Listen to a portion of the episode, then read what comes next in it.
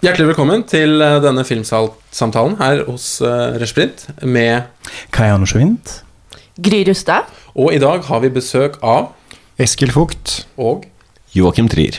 Og de har laget den eh, kinoaktuelle filmen eh, Thelma. Skal vi si det i kor? Telma. Telma, ja. uh, den het på et tidspunkt Telema, tror jeg, men det skal vi kanskje komme tilbake til. Det var en arbeidstittel og litt okkulte greier der, som vi kanskje kommer inn på. Uh, alle må nå gå og se den før de hører videre. Mm. Hvis du har sett den, så kan du fint høre videre. Hvis du ikke bryr deg om spoilers, så kan du også høre videre. Det fins fortsatt de menneskene i verden, tror jeg. Ja, men, men, så, må de gå og se den. Ja, så må de gå og se den. Fordi vi, vi, kommer til å snakke om denne filmen fra dens uh, fødsel til dens uh, uh, Oi sann. nå, har du valgt deg inn et hjørnesør. Ja.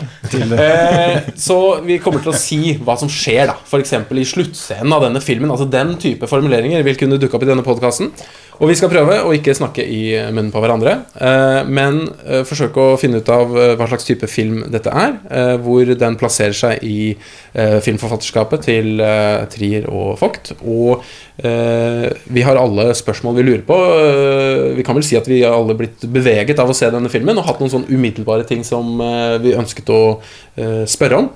Jeg for min del har også i forbindelse med et sånn uidentifisert fremtidig prosjekt fulgt filmen litt grann, under to innspillingsdager i fjor høst, og gjennom vinteren i etterarbeidet på noen testvisninger, så kan hende komme noen spørsmål fra litt sånne spesifikke innspillingssituasjoner og klippesituasjoner også underveis. Så eh, tenkte vi kunne begynne med et typisk åpningsspørsmål. Hvor er det det første frøet til Thelma eh, kommer fra hos dere?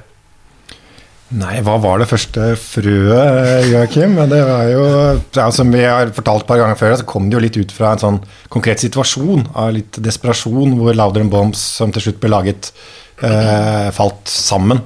Eh, ganske sent i prosessen, da Joakim allerede var i USA og skulle i gang egentlig med, med preproduksjon.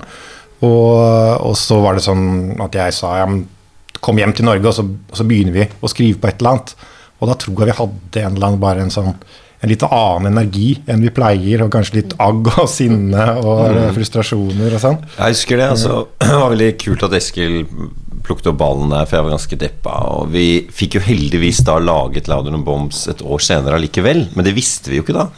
Og vi har jo hatt en greie i vårt samarbeid hvor alle filmer vi har skrevet, har vi vært så heldige å få lage. De vi har skrevet sammen, i hvert fall. Og jeg opplevde jo da at jeg tenkte å nei, nå er liksom the lucky streak brutt. da Når Laudrik skulle lages, og vi var ganske frustrerte. Og det er også noe når man har laget noen filmer, så er det også noen forventninger, og liksom en del folk hadde skrevet om Laudrik Bombs. Bomb, så var, vi var nok et sted hvor vi var litt sånn litt forbanna og frustrerte. Og det som skjedde da, var at eh, Eskil, som, som han fortalte her, sier liksom Kom igjen, nå skriver vi noe helt annet.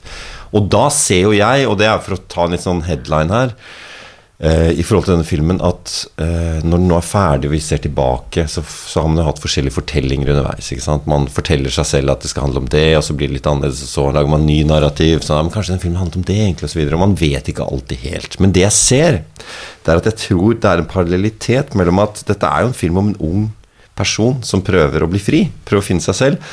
Og Det er kanskje en litt sånn banal sammenligning, men, men i vår prosess var det jo egentlig det, dit vi kom da vi begynte å Oiskelen, var det ikke det? Altså vi, vi, vi, hadde lyst til å bryte fri fra noen forventninger og noen rammer av hvordan en viss type naturalistisk drama som vi på en måte kjente ganske godt var, og så tenkte vi faen, skal vi ikke prøve noe helt annet? Absolutt. og egentlig kanskje litt sånn anekdotielt interessant hva som faktisk var en av de første ideene som ble til Thelma, var jo noe som ikke er med i filmen i det hele tatt. Som var bare at Joakim kom til kontoret der vi satt og jobbet en dag, og så hadde han sett noen skumle gamle damer. og så tenkte han Tenk, er det ikke noe er det, hva, er det mulig å lage noe sånn hekseaktig i Norge? Noe sånn Suspiria-aktig, et eller annet med, med, det? Og ut fra det, det utgangspunktet, så ganske raskt så kom vi på en idé om en ung jente som flyttet til Oslo, som leide et rom hos en gammel dame. Og så begynte underlige ting å skje med henne og, og kroppen hennes osv. Og, så og så fikk vi veldig mye på plass, da, og, og ganske mye annet av det som kom opp den første dagen, er jo ting som er med i filmen nå. Mm. Men kanskje akkurat det hekseplottet er kanskje veldig veldig subtilt. da i, i Men dere filmen. binder dere ikke da til en sånn opprinnelig idé? Jeg vet at fra mm. tidligere at dere har snakket om at manus er en sånt uh, arbeidsdokument som hele tiden er i flyt, og mm. alt, alt står på spill. Og vi gjenkjenner jo ikke noe egentlig av det du akkurat nå sa. Det er ikke en sånn eldre dame, og det er ikke uh, ja. Uh, men Kai, du hadde et innspill? Ja, bare litt om den kreative prosessen som er basert på frustrasjon, som jeg hørte det nå.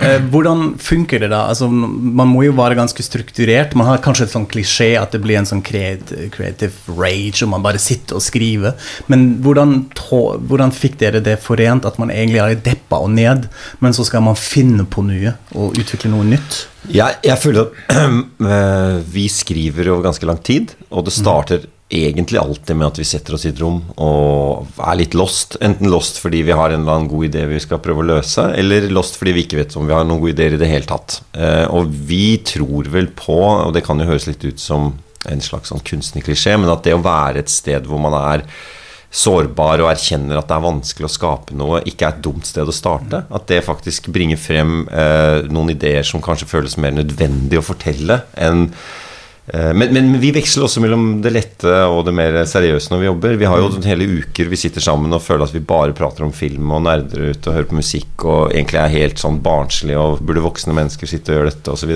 Spesielt fordi vi noen ganger også har skrevet uten å få lønn. Det var heldigvis ikke tilfellet med Thelma, men, men, men vi, liksom, vi, føler at vi kaster bort mye tid, men har vel lært og, og anerkjent etter hvert at um, det er en del av prosessen. Og da skjer det noe. Så det, sånn at f.eks. en stemning som du spør om, hvis vi har vært liksom frustrerte og sinte, så ja, men så, så, så vi noen filmer, sånn revenge-filmer. Jeg skulle så Rolling Thunder og John Wick. John Wick ble vi plutselig veldig opptatt av. Eh, og masse sånn. Og bare liksom faen, De der følelsene som vi ikke har plass til i sånne gode fortellinger om snille mennesker. Liksom, hva gjør vi med dem? Skal ikke vi få lov å uttrykke det? Hva med marerittsfølelsene? Hva med Og så begynner man å stille seg åpen for å ta imot ideer. Og det kan skje i dialog. Det kan skje på vei hjem man hører en låt uh, fra arbeid, og så dagen etter så kommer vi inn og så forteller vi hverandre om den ideen. Eller, altså, det er jo sånn som kommer opp, men du må stille deg åpen for å ta imot ideen, tenker jeg. Mm. Det er kanskje derfor også vi aldri er helt tro til en uh, sånn original idé. At vi ofte uh, Vi er ikke i rommet for å jobbe med én idé. Vi er der og egentlig bare samler inn stoff og snakker og tar notater og tenker ja, det hadde vært gøy, og det hadde vært gøy, og prøver ut tanker osv. Og, så og så etter hvert så er det noen ting som eh, utkrystalliserer seg som uh, Her er det kanskje noe som kan bli en film. Dette har dere jo beskrevet også tidligere som prosessen at det begynner med sånn form eller følelser, eh, fragmenter, og som, ting som fortelling og den slags kommer senere, og, eller innhold eller dybde eller filosofisk, sosiologisk, psykologisk innhold, eller hva man skal kalle det.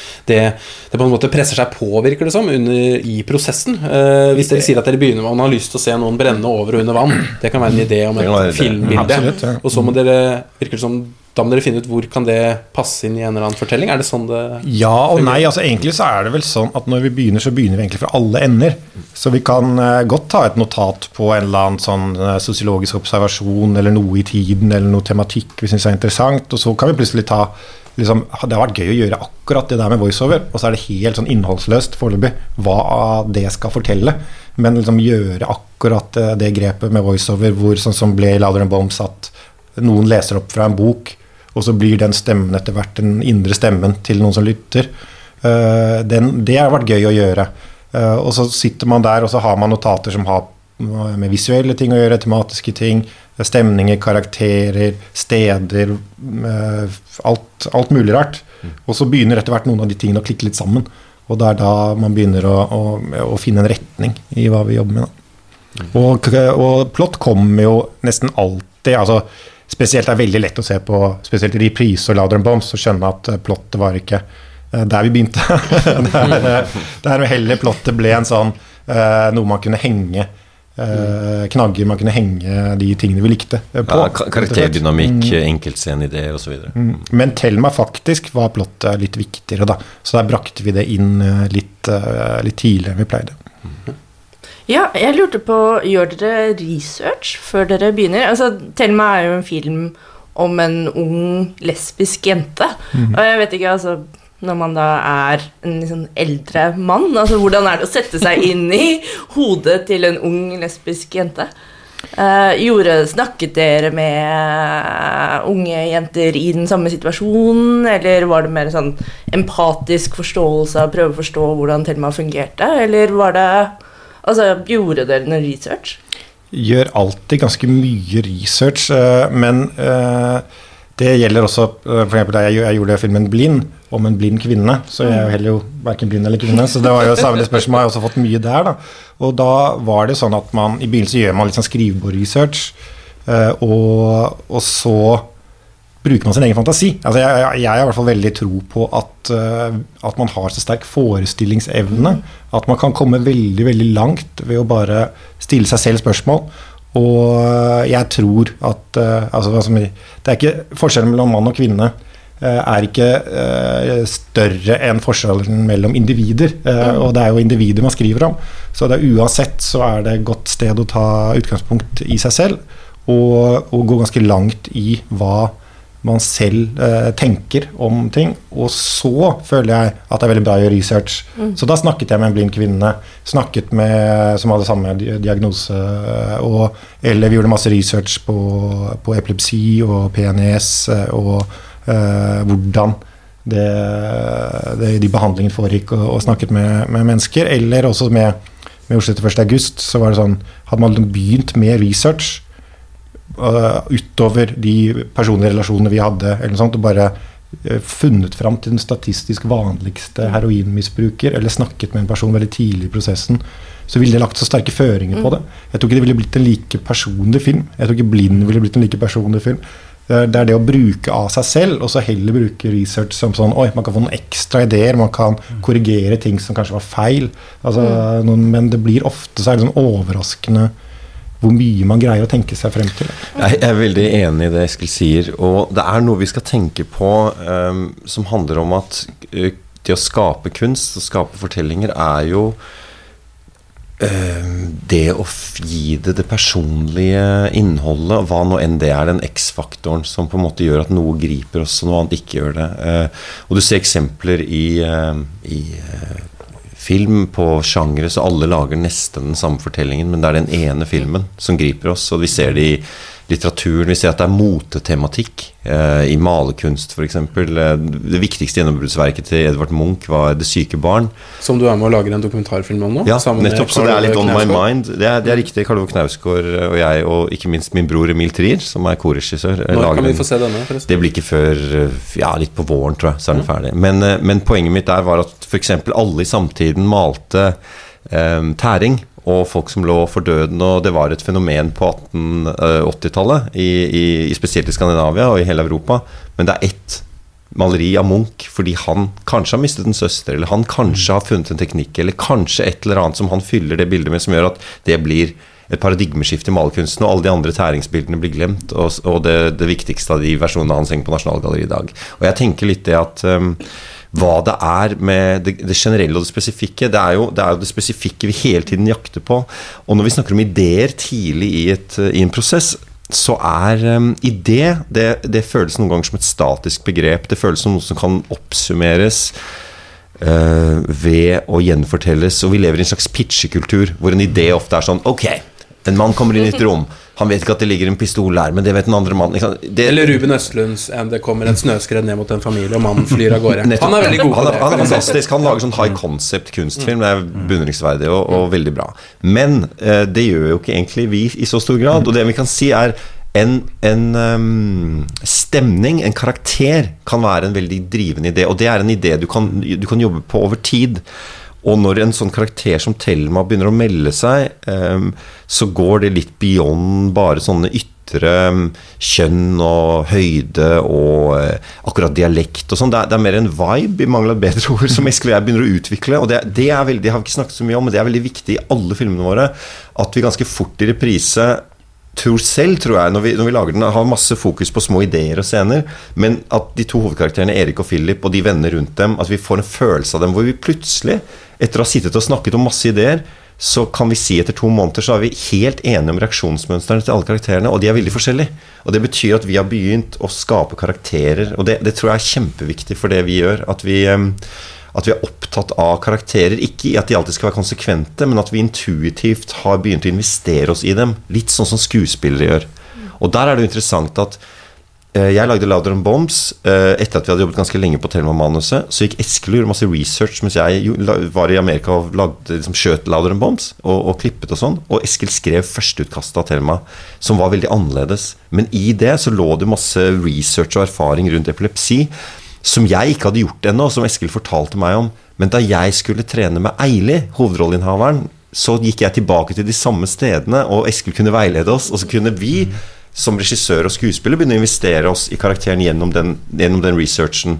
Eh, og det sier noe om også at vi jobber jo på den måten at vi investerer oss i karakterer, litt sånn som skuespillere gjør òg. At vi, vi går dypt inn i dem og fyller oss selv inn på en eller annen merkelig måte. Ikke én til én, men, men det er noe der som, som blir personlig for oss, da. Bare apropos det du Utgangsspørsmålet. er En interessant eh, liten ting som skjedde, var jo det første utkastet jeg skrev mens Joakim uh, skjøt Louder Bombs, så var ikke Thelma lesbisk, men hun hadde en bror som var homofil, som var eh, utstøtt eh, fra, fra familien. Og, eh, og samtidig jeg gjorde den researchen, så snakket jeg med Morten Lossius, som eh, en av de fremste ekspertene på epilepsi og eh, ikke eh, epileptiske anfall, altså PNES.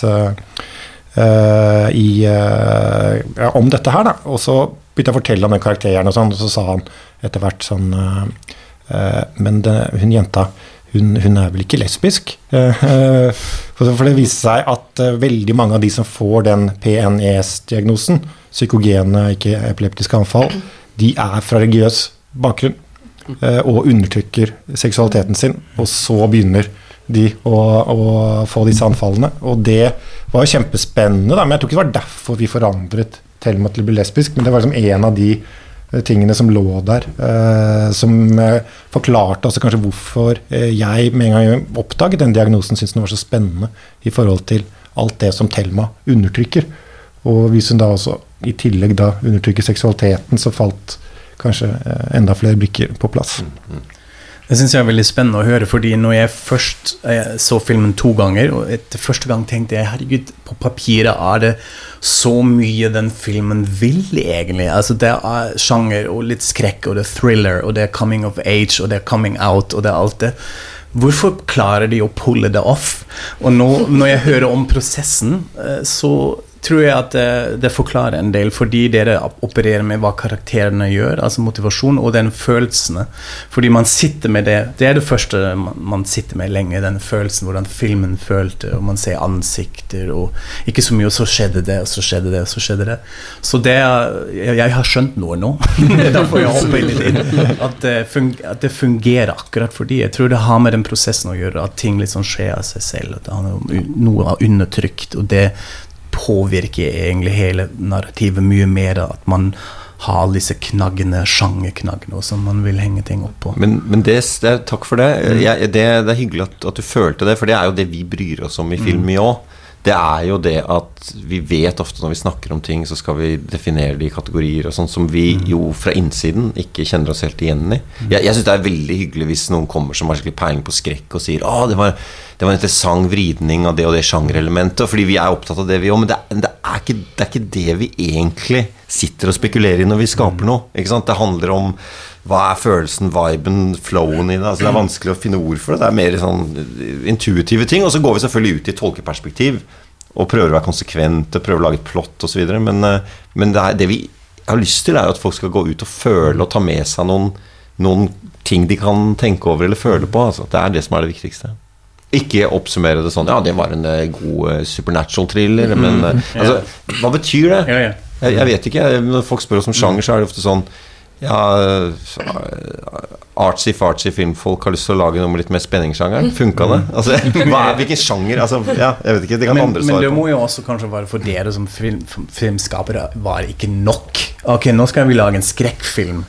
Altså som eneste impulsen. Det kan jeg tenke meg. at Nei, men, men der, kommer, der kommer filmnerden inn. Jeg skal ikke Ja. bare sitte og si at vi sitter med liksom, i yogaposisjon med luktlys og liksom bare føler og føler. Vi diskuterer selvfølgelig masse greier, og, og jeg vet ikke om vi skal gå inn i sjangerdiskusjoner. eh. Vi kan gjerne gjøre det nå, for jeg tenker jo dere det, det høres ut som litt sånne uh, fattigslige remakes av klassikere. De første ideene. Litt sånn Carrie, Rosemary's Baby eller noe Argento. Som er litt sånn filmnerdene som har vært på Video Nova-kjelleren på 80-tallet, og nå tar inspirasjonen derfra, i stedet fra Cinemateket. Som man litt tabloid skal snakke om, så har dere laget tre filmer som er litt sånn Cinemateket-inspirert. Litt sånn fransk film og litt svart-hvitt, og, øh, og veldig tabloid på den andre siden. Så er dette Video Nova-filmen, litt mer basert på store big box videokassetter, og inspirasjonen derfra. Eh, Men så blir det så mye bedre enn det. Nylig så så jeg om igjen både Rosemary's Baby og Carrie og Dead Zone, som jeg har sett har referert til i noen intervjuer, og Stephen King og sånt. Eh, eh, personlig så har jeg mye mer glede av Thelma enn disse filmene. Eh, for det er noe ved sjangertrekkene som er veldig bestemmende i de filmene. Som eh, det er vanskelig å investere seg helt eh, gjennommenneskelig i. Men det, det er noe meg. Jeg vet mange elsker de og setter de høyere Jeg- jeg- noe i verden. Ja. Jeg syns de er vel, tre veldig veldig gode. uh, Ja, men så hvis dere rett og slett Det litt, åpne spørsmålet da om inspirasjon, og hvor eventuelt disse videokassettene eller cinematekebesøkene eller uh, sjangerforståelsen dere har hatt opp igjennom, for dere har vel en iboende magefølelse av eh, hva en, en film som dette på en måte ser ut som. Men nå syns jeg ikke Thelma ligner på noen av de. Nei, men vi, vi, bruker, vi prøver jo også å finne ut av hva vi lager, da. For det er sånn Jeg tror nok vi på et eller annet tidspunkt tidlig i prosessen gjerne skulle laget en mer tydelig skrekkfilm. Uh, og så ble det etter hvert som vi jobbet mer av dette, er mer en overnaturlig thriller. Men det begrepet har vi egentlig ikke i Norge. Det er supernatural thriller i utlandet. Men, og, så, og da begynner man å snakke litt sånn ja, men Rosers Baby, det var en skrekkfilm da den kom. Eh, og folk var jo livredde, men det skjer jo nesten ikke noe vold eller uh, voldsomt i den. Det er bare paranoia, stemning, uhygge og en sånn drømmeaktig voldtekt av Satan.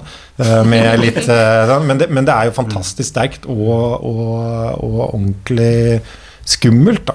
Eh, Så den kanskje hjalp oss til å tenke litt rundt hva vi faktisk holdt på å lage. Men eh, vi, vi sitter jo liksom det er, det er jo sånn Man skulle gjerne vært sånn som filmskapere. At liksom, nei, nå hadde det vært bra, Vi er interessert i, i skrekkfilm, og skrekkfilm er også kommersielt, så nå hadde det vært bra hvis vi lagde det. Liksom, det, det funker liksom ikke helt på den måten. Man, man begynner å jobbe, og så blir det til det det blir. Og eh, Man skulle kanskje vært eh, enda mer eh, taktisk i hvordan man tenker karriere og, Ja, og det og hva det, man men- velger å gjøre. Men det som var en uh, taktikk som presset seg frem litt, grann, var at vi, skulle, at vi ble sånn skamløse. Vi snakket litt sånn en, noen måneder om at vi nesten burde laget denne filmen under pseudonym og slippe liksom vekk fra de forventningene og alt det der som lå i, i hva slags film vi burde lage.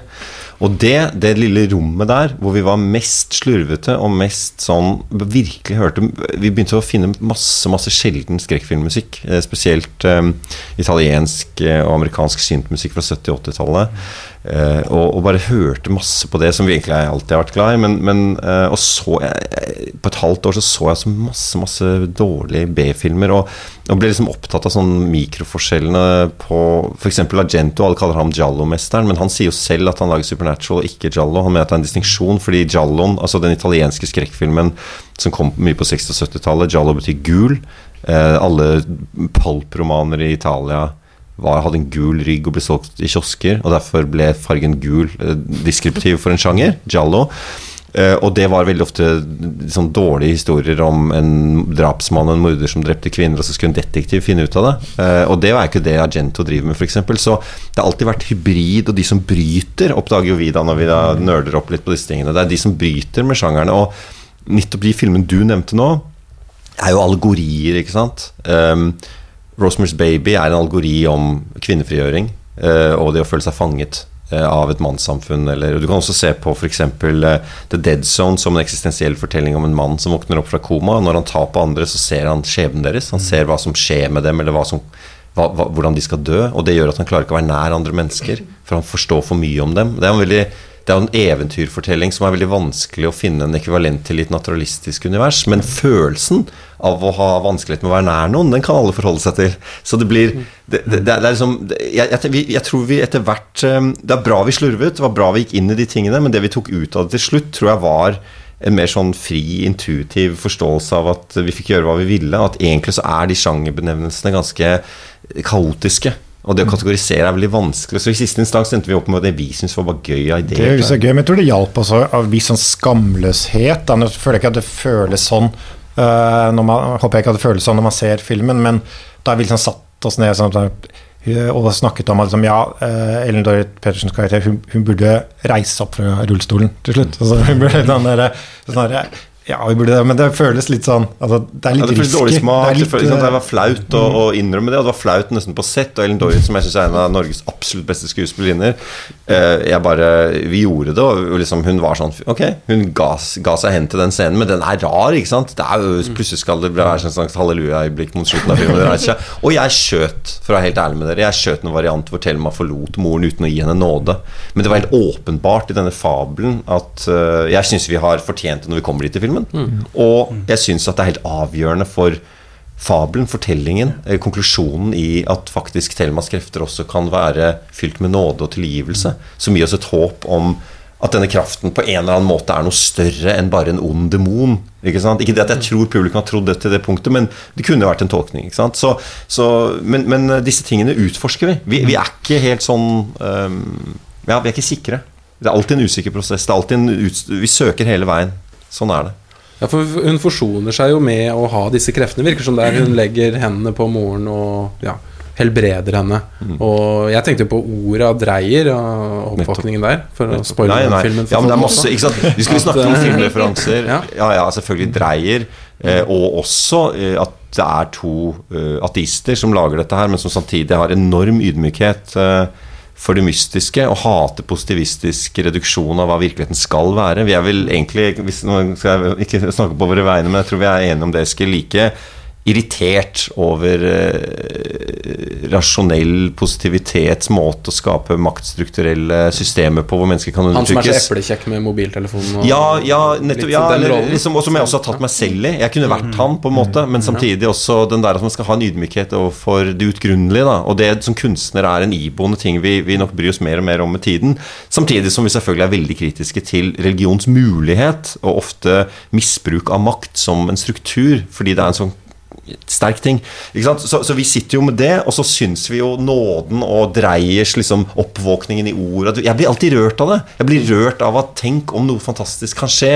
Barnets magiske blikk på verden. At, at det er noe større. Det er noe, det er noe vi ikke forventer oss. Altså Verden gir oss gaver og, og mystiske, vakre ting. Som å stå på isen og se ned på en fisk som svømmer rett under deg. og Seks måneder tidligere så hadde du bare vært i vannet sammen med fisken. Det er sånn barnet bare undrer seg over, og, og verden er magisk. Men som voksen så blir vi liksom kategorisert inn i mange av disse måtene å se ting på, hvor tolkning også undergraver vår frihet til å være mennesker og tenke fritt. da. Så, så i, i den prosessen der, så Det, det har liksom vært et tema, tror jeg, vi bryr oss om. Det er også, jeg syns det er jo fascinerende. Eh, selv, for jeg elsker å, å se overnaturlige ting på film. Jeg syns det er superinteressant. Men jeg tror ikke på de kreftene. Altså, det er egentlig ikke i det hele tatt. Altså, jeg er åpen for det mystiske i verden osv., men jeg tror ikke på helbredelse gjennom håndsbeleggelse eller eh, telepati eller telekinesis. Altså, det hadde jo vært moro hvis det var sånn, men jeg, jeg greier ikke å tro på det. da. Men jeg har ikke noe problem å tro på det i, eh, i fiksjon. Og jeg syns også det er interessant eh, hva altså Bare for en liten distinksjon. jeg føler Hvis man leser Stephen King, og det gjorde jeg, har gjort veldig mye, eh, spesielt da jeg var yngre, så er jo det utrolig bra på mange måter. altså Han overrasker jo alltid med å være god litterært på å komme inn i menneskers eh, tenkemønstre og komme inn under huden på karakterene og sånn. Men det er jo ikke noe banebrytende litteratur formmessig. Men hvis man ser når uh, Cronberg eller, uh, eller er uh, King eh, inspirert da, i, i Scanners, eller lager Dead Zone av, av eh, King-boken, eller når eh, Kubrick lager The Shining, eller The De Palma lager Carrie, så er jo det mye mer interessant filmisk enn King er litterært. Det er et eller annet med når man skal eh, skape en annen logikk som går utover den rasjonelle, som handler om hvordan man kan påvirke noe med tankene, eller hvordan man får visjoner fra et annet sted, eller hvordan man liksom må da klippe sammen ting, eller finne på et filmspråk. Som er enda mer progressivt da, i, i filmsjangeren, har jeg inntrykk av, enn i, i litteraturen. Så jeg føler også at det er når man går inn i den verden der, så er det plutselig sånn filmisk rom som åpner seg som eh, jeg tror er en del av, eh, av eh, grunnimpulsen til Thelma også å utforske det. Altså den friheten du snakket om i stad, også ligger der. Da. At man har noen andre redskaper å benytte seg av, og også Ja, man må egentlig bare tenke litt annerledes hvis man skal finne en måte å gjøre Thelmas krefter forståelig for folk, uten å bare forklare dem med ord, så må man jo også tenke filmspråk på en litt annen måte enn vi har gjort tidligere. Ja, jeg, jeg, tenkte da jeg så Sel Thelma Selma, faktisk. uh, Thelma, at uh, det var et eller annet med den sjangeren og hvordan den på en måte frigjorde dette med allegorien og tematikken og metaforene. Og jeg må innrømme at jeg faktisk ikke leste Thelma altså rett frem som at hun faktisk hadde overnaturlige krefter, men at det hele var en slags sånn manifestasjon av den undertrykkelsen da, som hun hadde vokst opp med og gått igjennom hele livet, og at antageligvis det som hadde skjedd med broren Kan vi gå litt inn på litt sånn detaljer nå? Um, var altså at det antageligvis hadde skjedd en eller annen ulykke i en sånn uh, søskensjalusi-ting. Uh, og det jeg tenkte på, det som jeg syns er veldig interessant med skrekksjangeren Og nå har jeg ikke sett veldig mye, for jeg er sånn som får mareritt. Men jeg så, jeg så faktisk også Get Out. Uh, og både Thelma og Get Out, så tenkte jeg at dette her er jo noen av de mest sånn, politiske filmene jeg har sett hittil i år. Altså, og jeg tenkte på med Thelma, det er jo det er et eller annet Den tar jo opp temaer, i hvert fall for meg, da, som sosial kontroll, som er utrolig altså sånn tidsriktig, kanskje. Altså man leser jo alle disse sakene om kvinner som opplever veldig sterk sosial kontroll, spesielt i veldig konservative religiøse miljøer. Og da, det føltes liksom som at Thelma var så timely, eh, som jeg også satte veldig stor pris på. Og så har man jo også det at det har vært en, et, altså et behov for eh, uh, historier om lesbiske karakterer i Norge. Er det, er det, sånne, er det sånne, ting dere tenker over? Altså den, de liksom store uh, Hvordan dere kunne bruke denne sjangeren og denne åpenheten i sjangeren til å liksom gå inn og ta tak i den type tematikk da, som kanskje er, er viktig for folk. Altså jeg leste akkurat i Aftenposten en ung 16 år gammel jente som var så lei seg fordi hun ser liksom ikke uh, skildringer av lesbiske unge jenter på norsk TV og i norsk film. Uh, og jeg tror jeg snakker med Jon Inge at det her er vel kanskje den første filmen i norsk filmhistorie som har hatt uh, altså LBHT. karakterer siden 90-tallet. Altså det er kjempelenge siden. Om det var noe dere tenkte på altså at det, dere også altså Selvsagt, jeg skjønner at dette her er veldig personlig, og, og sånn, men at dere også føler at dere ønsker å liksom bidra å gi noe tilbake til publikum, da, som kanskje trenger disse historiene? Ja, vi tenker jo på det. Klart det, og vi uttrykker jo Og det har vi gjort hele veien i alle filmene våre, selv om vi hele tiden blir dissa for å være privilegerte vestkant-kids. Så nå er jeg ikke kids lenger.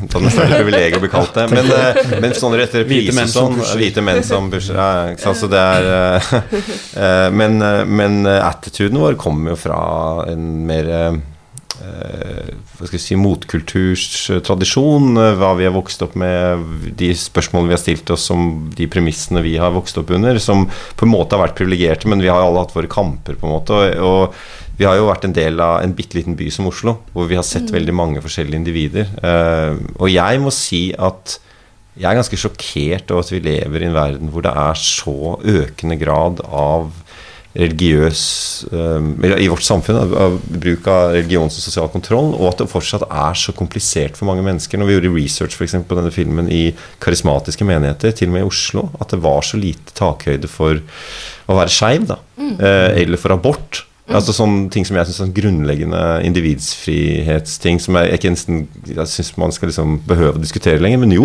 de er, de er mer aktuelle å diskutere nå enn på lenge, altså faktisk. Eh, men på litt andre måter, kanskje.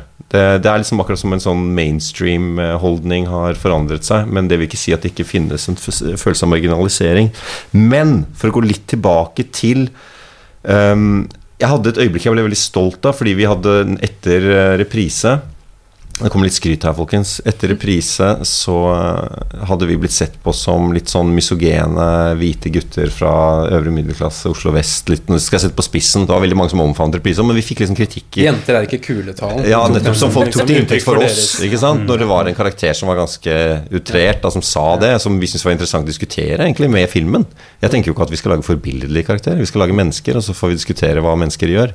Men så, møter, så lager vi Oslo 31. august, og så møter jeg Haskell Wexler, den amerikanske veldig politiske filmskaperen var så, det var så trist å miste i fjor. Han veldig begavet eh, både fotograf og regissør. Og han kom bort til meg etter å ha sett Oslo 31., og så tok han tak i meg og så sa han This is a real political movie. Og så sa oh, Mr. Wexler, thank you. Uh, in what way? Liksom, jeg ble sånn usikker på hva jeg skulle si. Og, No, this guy walks around in beautiful Oslo, and it's uh, it's everyone's happy, everyone's uh, sorted out, and he feels like shit, and that's political.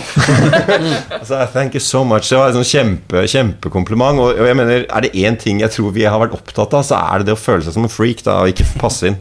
Eh, om det handler om legning, om det handler om sosial status, om det handler om din egen indre dynamikk av forventninger til deg selv, som sikkert også kommer fra andre, men de indre stemmene som vi slåss med, da, det tror jeg er noe vi kan si faktisk går igjen i filmene våre en del. Og, eh, og der er Thelma kanskje mer nesten en sånn krystallisering av det for oss. At eh, de der internaliseringene eh, Vi har ikke mange konfliktscener hvor andre mennesker sier til Thelma at det er, du skal ikke være skeiv, eller det er dumt, eller Men det er internaliseringen. Det er det vi bærer på inni oss selv. Kanskje på samme måte som Anders i Oslo 31. august også går rundt og bærer på forventninger, premisser for å føle seg ok med seg selv, som han selv ikke vil akseptere. Ikke sant? Og, det, og, og da, går vi jo, da, da prøver vi jo noe ganske vanskelig, fordi i skrekkfilm så har vi ytre farer, antagonister og krefter ofte. Altså en ondskap ute i verden mot subjektet, og så oppstår konflikten og skrekken. Og the horror, liksom. At du blir utsatt for noe. Mens vi har jo prøvd å finne en slags skal vi kalle det en metaforisk eh, skrekktrope som handler om en indre konflikt. Altså, skrekken kommer innenfra. Og da, har det jo, da blir jo kroppen en kampsone. Og det har vi også snakket om. at dette er jo, Det er veldig hyggelig at du sier at dette er eh, noe i tiden, men, men det har vi snakket litt om. at liksom Body horror har begynt å handle mye om å spise andre mennesker, og at kroppen liksom blør masse og faller fra hverandre og sånn. Men dette er jo en slags body horror, men på en annen måte har vi tenkt, da. Da er det jo litt i slekt med filmen Raw. Uh, vet ikke om dere har sett den eh, fra Julie Ducournau? Jeg har sett den, ja. Mm. Ja. Altså, det, det, det er veldig forskjellige ting, da, men uh, litt av stikkordet uh, Grunnhistorien er Ja. jo eh, det, Da jeg så den, så var det jo ferdig med Thelma mm. for lenge siden, men da var det jo Ja, dette er jo Jeg tenkte jo at folk kanskje ikke ville sammenligne så mye, men grunnhistorien av en ung kvinne som Ja. drar fra familien Ja. for å eh, bli seg selv og ta en utdannelse, og så oppdager at det er noe i henne. Som faktisk til og med har en, eh, en familieopprinnelse. da, er den er jo ganske lik. Ja. Men den er jo mye mer eh, inni mer den eksplisitt Ja. gory kroppshorror. Den går med denne veien, og så blir altså, skjer det noe med budskapet også som er litt annerledes, på grunn av at det er så eksplisitt. Men for å rappe litt opp eh, hva, hva dere nevnte i forhold til religiøse allegorier og sånn, jeg har sett rett etter hverandre. Først Thelma og så Mother, nye Aronofsky-filmen. eh, Og jeg syns at Thelma er nesten en sånn antitese til tilnærmingen som Aronofsky gjør. At, man, eh, at figurene da er sånn trapped i en sånn biblisk allegori og ble ødelegger seg selv. Veldig passiv, eh, forsvinner. Og at Thelma hun, Det er en frigjørelse. Det handler om det. Så jeg syns det er eh, det det dere kanskje, kanskje hadde kalt for et sånn ateistisk blikk på det, eh, funker da i hvert fall mye bedre med meg. Eh, um, så de er litt sånn interessante companion pieces, eh, de to.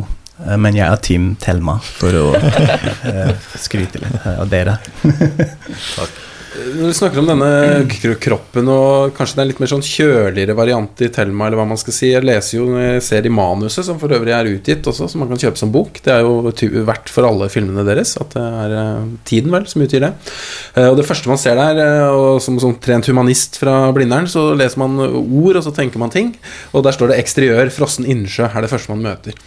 Og da tenker man at det er noe som skal uttrykkes, eh, som har vært frosset eh, inni eh, denne Thelma. Og det syns jeg er en fin, eh, fin metafor for det som skjer der. At det er eh, i tråd med tematikk dere har hatt tidligere, om minne og identitet, som går gjennom alle filmene, at det er et eller annet som eh, som ligger i oss, eh, som vi må forsøke å forholde oss til, forsone oss med, eh, klare å bruke i relasjonene våre til andre mennesker. I eh, reprise så har du jo disse veldig ambisiøse unge i 20-årene som har en stor Det er mye de vil. De vil, og så har de disse hypotetiske fremtids De ville ha gjort det, og de ville ha slik. Og så har man den ambisjonsløse eh, i Oslo 31. august, hvor han, han, han vil ikke ville noen ting. Han mangler all vilje.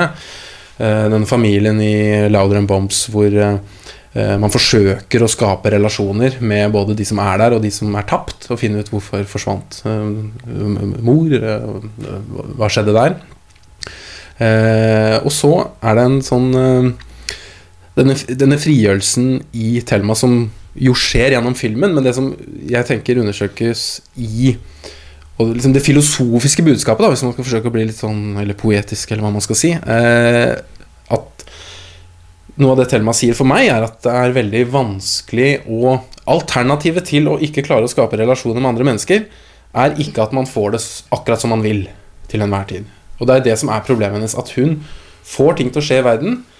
Hun får Anja-karakteren til å forelske seg i henne, sannsynligvis. Hun får broren, hun drømmer det, for hun vil at han skal være vekk, for han maser og tar mor vekk og sånn. Så blir han borte. Dør. Eh, og far også eh, forsvinner. Og at det er liksom på en måte spent opp en sånn stor sånn relasjonsvifte da, fra den ene ytterpunktet til det andre. At når du er helt alene og du ikke orker å ha nakenbad på Frognerbadet engang liksom, Du vil ikke være med på det midt på natta. Da går du hjem og dreper deg sjøl i stedet. Jeg spoiler Oslo 31. august også. Eh, men det er ikke noe alternativ, og fordi det er ikke en ekte relasjon. Og det syns jeg er en veldig spennende bue da i filmforfatterskapet deres. Er um, Nå ble det en lang rant, da. Men er det, er det noe dere kan si til den fortolkninga av det? Ingen kommentar. Nei, men det jeg, jeg, Litt som Eskil, jeg stiller meg ydmyk og takknemlig for at folk går inn og ser sammenhenger og tolkninger og sånn. Og jeg, jeg føler at noen av de tingene du snakker om, absolutt resonnerer med, med min følelse for de filmene. Nå har jeg riktignok ikke sett eh, Jeg ser jo ikke filmene om igjen når jeg har laget dem, etter at jeg har hatt premiere på dem. Men eh, de lever jo i oss. eh, Så nei, ja, men det er, det er eh, ja, konklusjonene kan jo være fler. Altså Jeg skal gi deg et eksempel på hvordan det er å stå eh, i en tolkningssituasjon med sitt eget verk. Eh, og igjen her er et eksempel hvor man bare stiller seg ydmyk og takknemlig. Min, eh, min eh, tidligere engelsklærer, eh, Peter Jobling, som er en far til en veldig god venn av meg, eh, kom på premieren på Thelma. Og så sier han eh, på premierefesten at han satte veldig pris på filmen. Han er engelskprofessor og, og veldig kunnskapsrik, ekspert på Shakespeare bl.a. Og så sier han det er så morsomt at hvis du bytter litt om på bokstavene, så blir jo Thelma til Hamlet. Og eh, det er helt klart motivet rundt Ofelia, eh, farsdrap og spøkelser. Det er så fin måte du har turnert det på, sier han. Har du tenkt mye på det?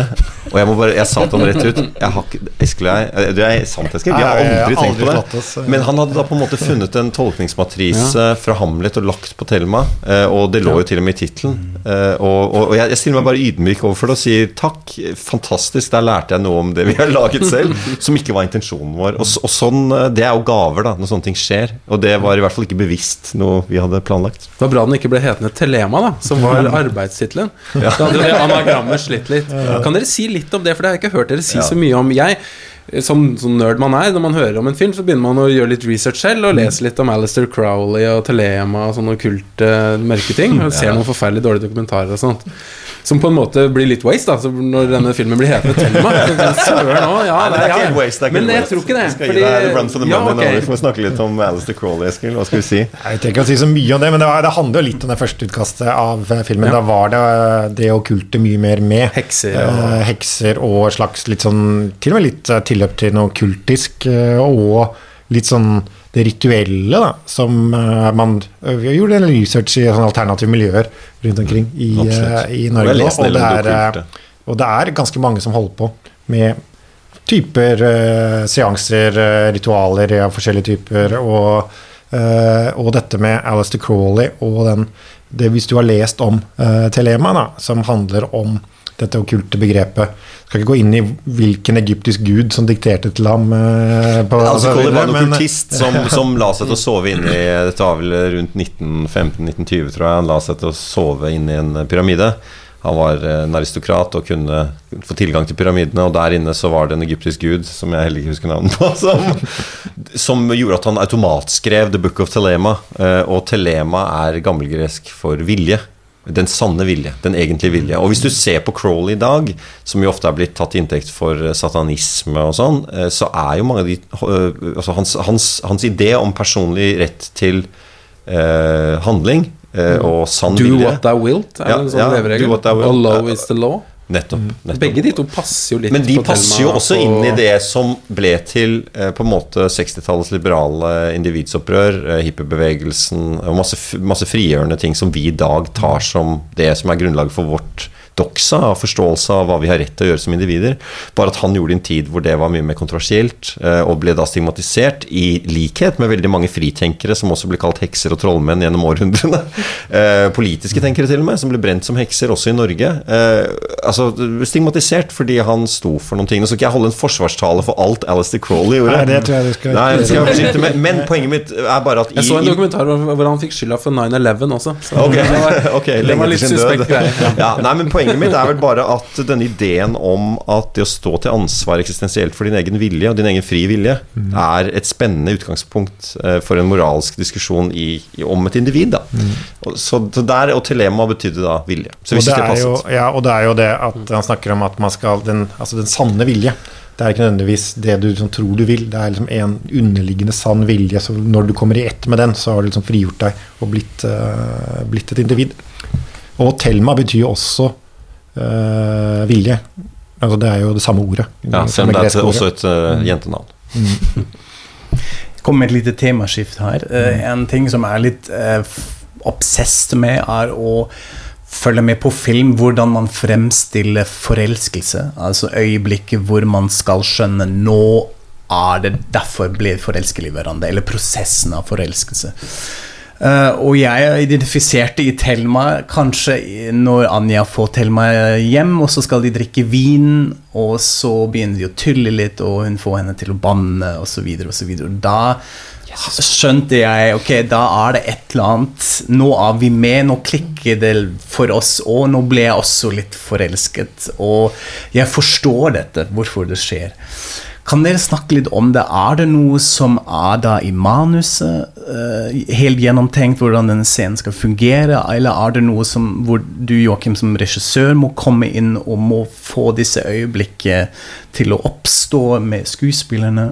Hvis er dere har tenkt sånn det Ja, alt dette er jo en, en blanding av alt det du sier, Ja, ok. eh, selvfølgelig. Jeg vil jo uh, si at det vi diskuterer i manus, er jo litt sånn Klart vi, det skal bli en ordentlig følelse av at de to er forelsket i hverandre, men i og med at dette er følelser som Thelma ikke anerkjenner, på hvilket tidspunkt blir hun bevisst at hun eh, har disse følelsene for Anja, og på hvilket tidspunkt blir eh, publikum bevisst at det er noe mer enn vennskap. De tingene snakker vi ganske mye om, Ja. og, og, og derfra fra å skape denne ordentlige følelsen av å bli forelsket. På en måte så er det jo det er noe av det letteste å fortelle på film, er å bare gi folk informasjonen om at den personen er eh, tiltrukket av den personen. Det er bare å filme en blikkontakt på litt annen avstand, og så er film på den måten at vi venter oss en eller annen, eh, et eller annet eh, kjærlighetsplott. Så det er bare Å ja, det er de to. Og så registrerer man det. Men derfra å skape følelsen av forelskelse er jo noe, noe helt annet. Ja, Ja. men Det er en god distinksjon, og, og da snakker vi jo vi, Dette er en plottfilm. Det er jo, Vi skal skjønne det, eller ane det, kanskje mer. Eh, Og der hadde vi noen helt klare Altså det vi gjør, Nå har vi laget fire filmer sammen, Eskil og jeg. Og det vi gjør, er jo at Eskil kjenner meg som regissør, og vi, vi kjenner hverandre så godt, og vi har så lik smak på mange ting, at um, vi lager noen plott mulighetspunkter, og så skyter jeg litt variasjoner også. Vi uh, har et øyeblikk som ikke er så sterkt i um, filmen, fordi det er en del av den glidende oppbyggingen som vi har lyst til at publikum skal få lov å er erfare selv. Og om de erfarer det litt forskjellig tempo, og denne øh, forelskelsesfølelsen, så er det ok. Og da gjør jeg jo testing når jeg klipper. Men vi hadde f.eks. i det øyeblikket de har vært på bar, snakket om mobiltelefon og tro, og de går til, ut og danser. Og det er på et dansegulv. Der er det et øyeblikk hvor Thelma stopper opp før hun begynner å danse, og det blinker noe strobelys mot henne og sånne ting. Det øyeblikket har jeg mye mer coverage på. Jeg skjøt mye mer der, fordi vi visste at worst case så måtte vi der kunne høyne følelsen at oi, her er det noe litt mer mellom de to jentene. Men, men jeg valgte å tone det litt ned, og det handler mer om å i det hele tatt ha kontakt med noen. Få lov å danse, i, slippe seg fri. Så var det et øyeblikk til som ble klippet ut, som dere kan se i manus, som er eh, etter at Thelma, den scenen du snakker om, har, har tilkalt Anja om natten, og de har våknet opp sammen, så står egentlig Thelma opp før Anja og sitter og ser på Anja. Og der har jeg, det er liksom sånn, Hvis jeg virkelig trengte at filmen hadde et sånt klart vendepunkt der, så har Eskil og jeg lagt inn den muligheten i manuset. Og det er måten hun sitter og ser på Anja Det er ingen tvil om at liksom, her hun er bare skikkelig bare syns at hun bare er vakker. Men det vi også oppdaget, er at det er liksom det Eskil snakker om, at det er mye mer spennende at publikum begynner å føle på noe som Thelma er litt mindre plottbevisst. da Og det, det var jo det vi egentlig sikter mot. Så ofte så lager vi sånne strategier om at vi, vi skyter muligheter, og, eller vi skriver muligheter, og så skyter jeg litt ting, og så, finner- så fine-tuner vi de klippene. Det var også et annet øyeblikk vi, det, er, det er litt, eh, egentlig ganske godt beskrevet hvordan og Det syns jeg alle burde tenke med Hans på den måten at det er, liksom, det er muligheter og ammunisjon til å liksom skape noe på sett, og så får du få med deg materialet til å fortelle ting på, når, du, når du sitter og klipper. Men det var også en annen scene som var med i filmen helt i siste runde, hvor eh, hvor uh, Thelma, i den scenen hvor de drikker vin, uh, som, uh, som du snakket om, hvor, eh, hvor Thelma finner fram på YouTube et klipp av sånn kristenpop, og så synger hun litt med. Amy og- Grant. Amy Grant eh, som ja, og, og det, det var veldig søtt og, og fint, da. For da, da viste Thelma seg litt, og man ser at Anja titter litt på henne mens hun gjør det. og sånn. Men Den var, var jo med i en av de tidlige klippene. Ja, absolutt. Den den var, var med veldig lenge. Og Det var en søt og fin litt sånn forelskelsesscene. Veldig, og det var mange som sa, liksom, eh, som, apropos det du sier, som sa at der ble jeg litt forelsket i Thelma. Nå skjønner jeg hva jeg ser henne. Sånn. Men det jeg følte som var ganske åpenbart med en gang eh, Eili og, og Kaja var castet i de to rollene, var at de hadde så sterk kjemi. At det var, det var egentlig veldig lett å fortelle at de to var interessert i hverandre. Det var det, det skjedde, så det er jo Jeg tror du kunne til og med tonet ting enda mer ned, og folk hadde fått med seg likevel. Og, og hadde du tatt det mer opp, så hadde det også fungert fordi de scenene funket så bra, da. Men, eh, men det var en litt luksus også, at, eh, at det, var, at det Ja, lå der. Men det men kan hvis- man aldri helt vite. Nei, men Vi sikter jo, det må også ta med altså Nå snakker vi mye om manus og klipp, fordi det er liksom, der har vi de der narrative girene våre veldig klart uh, i arbeidsprosessen. Men, men vi må ikke glemme heller skuespilleren og castingen. Liksom. Det, og vi castet jo, og det snakket Øyskild og jeg også om, at liksom jeg skulle gå ut og finne noen som var som hadde en helt sånn spesiell kjemi, og at Anja-figuren også uh, skal være en karakter vi er, lurer på. Hun er jo mystisk. Det er jo et eller annet som Kaja Wilkins gjør, syns jeg er veldig bra, som er å ikke overrepresentere intensjoner. Hun, hun er i scenene. Og det gjør også at vi kan få undre oss litt. Hvor er dette på vei? Og det, det syns jeg handler mye om at skuespillerne er flinke, da. Så overlater man litt mer til publikum og gjør det litt mer subtilt. At vi eventuelt kan oppdage før karakterene at de er forelsket. Det vil jo gi oss litt mer øh, plass da i filmen enn at det blir øh, Og det fraværet er viktig for oss. Det, er, det må vi vektlegge i alt vi gjør. Det er, og, og I godt skuespill, Isabelle Per sier det, at hun vil la det være rom igjen i det hun gjør som skuespiller, til at folk kan få lov å tolke hva det er hun er som menneske i den karakteren. Sånn tenker vi når vi skriver, sånn tenker vi når vi klipper, sånn tenker jeg når jeg skyter også. At det, er, det må være et rom. Det er, det er i det derre fraværet, i hullet, liksom det derre gapet mellom filmen og publikum, at spenningen oppstår. Å våge stillheter, våge tolkningsrom, selv om vi vil drive et plott fremover. At, Men hvordan instruerer du akkurat dette med skuespillerne? Altså, da må man rett og slett ikke forklare for mye. Da lar man dem vare hvis de ser det på samme måten. Ja, men sant, der, ha, der kommer vi jo på sett med et manus som heller ikke er for poengtert. Ja, Det, som, det, det jeg ofte tenker sånn Hvis man ser film hvor man ikke liker skuespillet, så er det alltid en blanding av ting, og det er i siste instans regissørens ansvar. Fordi de regissøren har enten ikke fiksa manuset, eller hvis regissøren er med å skrive manuset, ikke skrevet god nok dialog. Intensjonene eh, er for tydelige, det signaliseres ting. Man har kastet feil skuespillere. Altså Det er så mye som kan kjøre en scene i dass, liksom, hvis man ikke holder fokus på Eh, jeg mangler bedre å prøve å holde kvaliteten høyt. Da, holde intensjonene om subtile og det rommet vi snakker om, høyt. Men, men nei, regi eh, på skuespill er et svært tema, men for å svare kort på det du sier, så er det eh, altså, Da skifter jo jeg gir. Da skal jeg jo skape eh, tilstedeværelse og værenhet. Og da skal aldri skuespillerne bære fortellingsansvaret, tenker jeg. jeg. Jeg vil gjerne fjerne det fra dem. Det, kan, eh, det er sjelden jeg argumenterer med skuespillere og sier at nå må vi få inn det poenget. Jeg, jeg, pleier, jeg pleier liksom ikke Smarte skuespillere skjønner hva dynamikken i scenen er, og vi er, Eskil og jeg er opptatt av um, hvordan folk oppfører seg. Hva de, hva de gjør når de egentlig mener noe annet. så, så hvis det ligger i manus, så har skuespillerne noen ting å, å, å forholde seg til å spille på. Og så er det jo for gode skuespillere også et mysterium for dem selv av og til hva de gjør. Når, når de beste tagningene skjer, så er de, som engelskmennene sier, in the pocket. Altså Det er egentlig et jazzbegrep. Når, når det var en bra jam session med jazzmusikere, alt begynte bare å svinge, og ingen visste hvorfor. Altså Det er bare noe som skjer, og du jobber mot å jobbe og fisker etter det, og så skjer det noe. Og noen ganger så er det jo de tagningene hvor noen intensjoner har falt vekk, og noe uventet har oppstått, er de tagningene du ender opp med å like best. Og det er jo sånn som man opp, kan oppleve i livet, i hverdagen òg. Nå denne kvelden, denne samtalen. Ja, Plutselig var det noen hvor man uh, buzzer litt, og Ja. det kan man ikke forklare. Så Nei, nei. egentlig er det en forlengelse Det er forlengelse av en det sånn at, at det skjer. Det skal skje foran kamera, og hele prosessen Eskil og jeg sitter med, er jo å prøve, og det er jo fantastisk å ha med Eskil som er så innmari bra regissør. og, og, og liksom kunne tenke det sammen på vei mot et opptak. da Den scenen, Og så gjør jeg prøver med skuespillerne som jeg taper, og så viser jeg til Eskil, og så skriver vi om manuset helt til slutt lite grann. Fordi både Eskil og jeg får da sjanse til å se på de prøvene og si ja, det er jo noe med at han f.eks. han fyren som spiller spiller Altså eh, eh, som er liksom han litt kjipe på festen, da. ikke sant? Steinar Kleiman Hallert, fantastisk skuespiller og morsom, egentlig også komiker.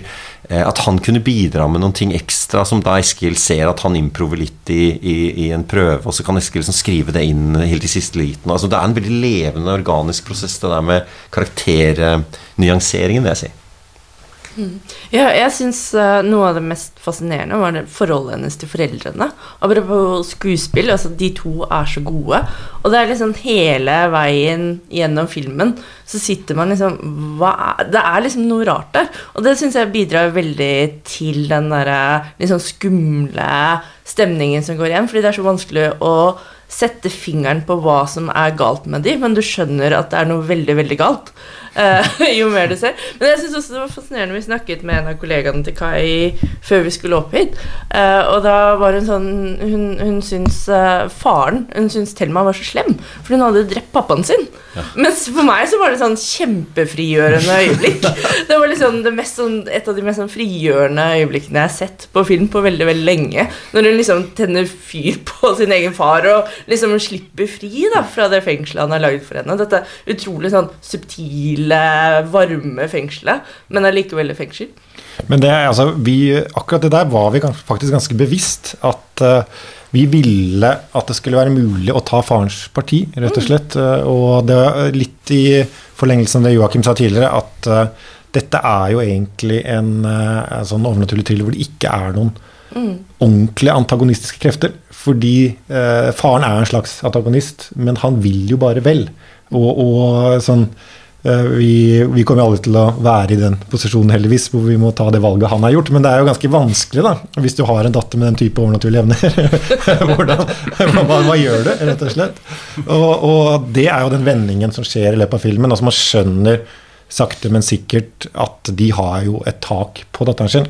Og det taket er ikke sunt. Og det, det må hun jo frigjøre seg fra for å bli et menneske. Men etter hvert, når vi har mest, kanskje aller mest lyst til å se henne frigjøre seg, så skjønner vi også hvorfor eh, de har etablert det taket på henne. Så vi tenkte jo også at, man, at dette er eh, Hovedrelasjonen i filmen er jo egentlig en far-datter-relasjon, hvor, eh, hvor det er nesten en slags kjærlighetsrelasjon mellom dem. At det er nesten den aller viktigste relasjonen i, i filmen. Og, og da var det jo Skjønte vi jo liksom at noen vil jo da Nå får vi håpe at det ikke er sånn avslørende for ditt eget forhold til din far, men, eh, men det er jo sånn at, at folk bringer med seg sin egen, eh, ja, sin egen eh, sitt eget liv og sin egen tanke og sin egen forestillingsverden, og så kan de da lande litt forskjellig på hvordan de ser faren, f.eks. tror den åpner for veldig mange typer frykt. Er man redd for slanger, så kan det være et problem. Min egen mor hun har sett noe og syntes det var veldig skummelt når den koppen knuste på kjøkkenet. For hun liker ikke å knuse ting. Hun har sikkert vokst opp med at det er vondt og vanskelig. Eh, så det er eh, Hvis det var det skumleste øyeblikket, så vet jeg ikke helt hva jeg hadde syntes om ja. Men da er det jo godt å ikke kjenne på de andre tingene, for da, da har man hatt det ganske Men hva representerer koppen? Ja, ikke sant? Men jeg, jeg, jeg syns vi skal gå konkret inn på øh, den øh, En gang jeg var på settet, da var du der også, Eskil, på, på Blindern. Dere var på Eilertsundt og spilte inn lesesal. øh, hun får første anfallet. Det er første gang hun møter og disse fuglene kommer på vinduet. Eh, og der observerte jeg noe av dette Kai, du spurte i stad om sånn registilen og sånt til Joakim. Og du kunne gå bort og snakke, klappe litt på ryggen holdt jeg på å si, eller på armen, lett på skuespilleren, gi noen korte ord. Eh, Noen ganger, og Du sitter jo ved monitor, du sitter og ser inn i filmbildet ditt mens scenen går. Og noen ganger så løp du inn for å gi en kort eh, Noen ganger la du, du la deg til og med ned på gulvet, husker jeg, i liksom posisjonen hvor hun lå og skulle sprelle, og viste frem. Som sånn Michael Bay, som jeg har også sett han holde på sånn. Eh, og Takk for sammenligningen. og så, og så kikket du ned når du gikk tilbake til monitor, for da skulle du ikke ha kontakt med noen. Eh, dyp konsentrasjon.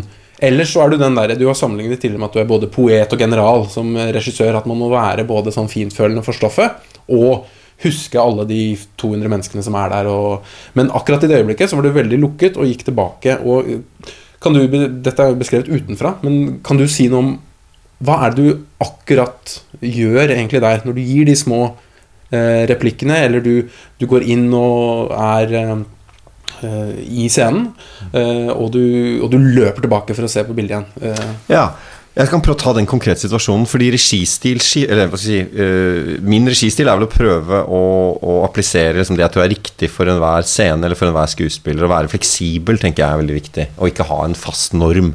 Men det må være liksom et visst regelsett. Um, scenen hvor Eili skal få Thelmas første krampe på lesesalen, som du snakker om, den, det er noen spesielle parametere. Uh, for det første så har vi mange statister.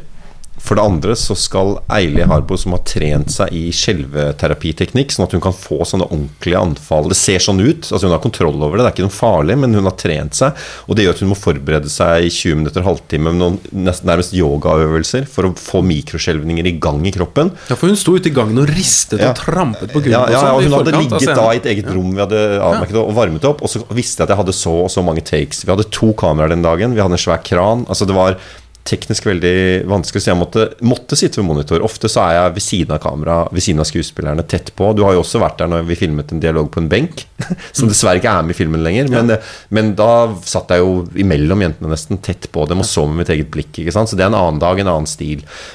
Eh, helt konkret, uh, Eili visste hva som skulle skje. Det var ganske teknisk. Det var ikke så mye Jeg prøver å unngå å, å drive for mye emosjonell motivasjon akkurat mellom takes. Jeg tenker at liksom det, det bør vi ha forberedt på forhånd, eller være klar på i prøvene, prøve å bygge dit. Og så handler det noen ganger om å tillate Altså, regi Nå skal jeg ikke fremstille at man har, må, må ha sånn Snåsamann-evner, men det handler jo om å tillate å, å løse opp i ting. Tillate et menneske å, å slippe seg fri dit de skal.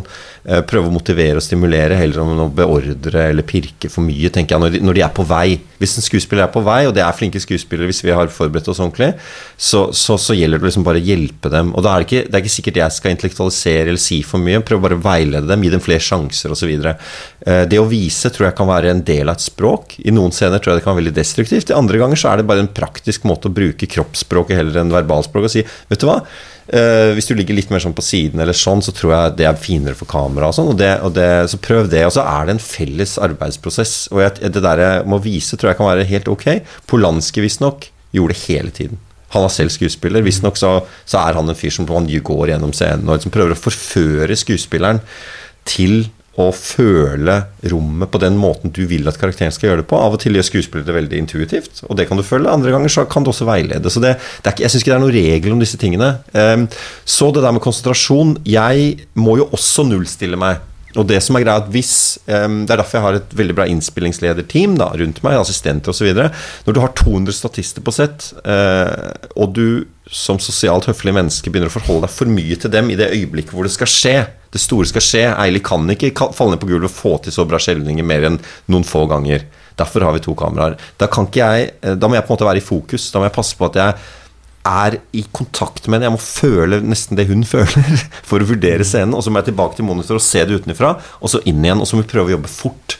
Og du merker kanskje at jeg også kan bli litt rastløs og aldri rundt skuespilleren, men sånn litt i, på siden blir litt sånn pushe litt hardt på at nå må det gå fortere og sånn, fordi jeg vet at, at tiden og energien må holdes, da. Så det er litt den generalgreia, men så nær skuespillerne må man prøve å bevare følsomheten. Og da tenker jeg det er ok å ikke liksom forholde seg sosialt til for mange, og prøve å ha det Det, det tror jeg er det du snakker om, den fokusgreia. Det var sånn jeg husker det i hvert fall. Så er det eh, må man tenke forlengelse av den, den regijobben når man skal jobbe med barn, som det, dere måtte gjøre òg, med lille Thelma. Eh, funker det sånn sett på samme måten, eller må du gå i en helt annen diskurs for å få jobbe med henne? Noen ting ligner. Eh, Du må tilrettelegge og passe på at rammene er der for at det kan skje. Og du kan ikke bare regne med at det skjer på viljekraft. Du må på en måte sette scenen. Det må du med alle skuespillere, spesielt med barn. Eh, Grete, som spilte Lille-Thelma, syns jeg er veldig flink, men hun er også et barn, og det er veldig få sånne forklaringer og intellektuelle ting i, i rammene og fortellingen rundt som vil hjelpe henne å gjøre det hun skal gjøre. Så, så da er det veldig viktig å lage konkrete, enkle bevegelser og ting man skal gjøre. Og så må man føle seg frem litt dag for dag. Jo mer vi blir kjent, kjent jo mer skjønte jeg også at hun kunne forstå noen ting. F.eks. når hun står og ser på lillebroren som ligger i lekegrinden, så kunne man snakke til henne underveis og si sånn «Ja, Se på han, er han ikke litt irriterende og skriker han?» altså, Og så, så fyller tankene hennes, og så skjer det små ting, så ser du på øynene hennes ja, Han irriterer seg litt over han. Altså, man kan leke sammen, snakke. Men det som var gøy å oppdage, det var at Eili ble korregi på Lille-Thelma. Skuespillerinne Eili Harba altså hjalp oss, og er også kreditert som korregi på, på, på, i de scenene der. Fordi vi fant en lek hvor eh, lille, altså Lille-Thelma og Grete skjønte at de begge var samme karakter. Og når vi skulle gjøre skumle ting Pappa skulle skrike, fantastiske Henrik Rafaelsen skulle være sint, f.eks. Det er jo ganske brutalt for et barn. Og eh, når vi drev og gjorde prøver, så begynte jo Grete, Grete å gråte. For hun følte det hun skulle føle. Og, og så trøstet vi og ble venner igjen. Og så, var, så jeg tenkte dette må vi være forsiktige med. Nå må vi, må vi la det være lek, da, så det ikke går på nervene løs her. Så det vi gjorde da, var at uh, Eile gjorde scenen noen ganger, apropos det å vise, Uh, og så gjorde Grete den litt, og så Eile, så kunne, liksom, kunne vi sammen gi litt sånn regi til Grete, og Eile kunne fortelle hva hun tenkte, hva hun følte, hvorfor hun gjorde det hun gjorde. Og, og nærmest leke seg gjennom scenen litt med Grete. Og så begynte vi å rulle kamera, så, og så fløt det egentlig. Så det var, vi fant noen teknikker der som var veldig ok. Altså. Eskil, hva, hva er din rolle under innspillingen? Uh, du var jo der det, akkurat den dagen som vi snakket om i stad, på lesesalen. Men uh, du har beskrevet det som sånn å være som far under en fødsel. At man er litt Ja. sånn Vet ikke helt hva slags posisjon man, man, er, man, har er, der. ja, man er veldig veldig, veldig engasjert og bryr seg veldig, men man har eh, ikke så, har egentlig ingen funksjon. da og Går i veien for legen og sånn, går inn til veggen når det skjer et eller annet. Så jeg har egentlig sluttet eh, Det var den dagen Det var den dagen jeg var på Thelmasetet. var den dagen der jeg, eh, Og det er litt, litt sånn symbolsk. På Ladder Bom så var jeg der i siste del av preproduksjon.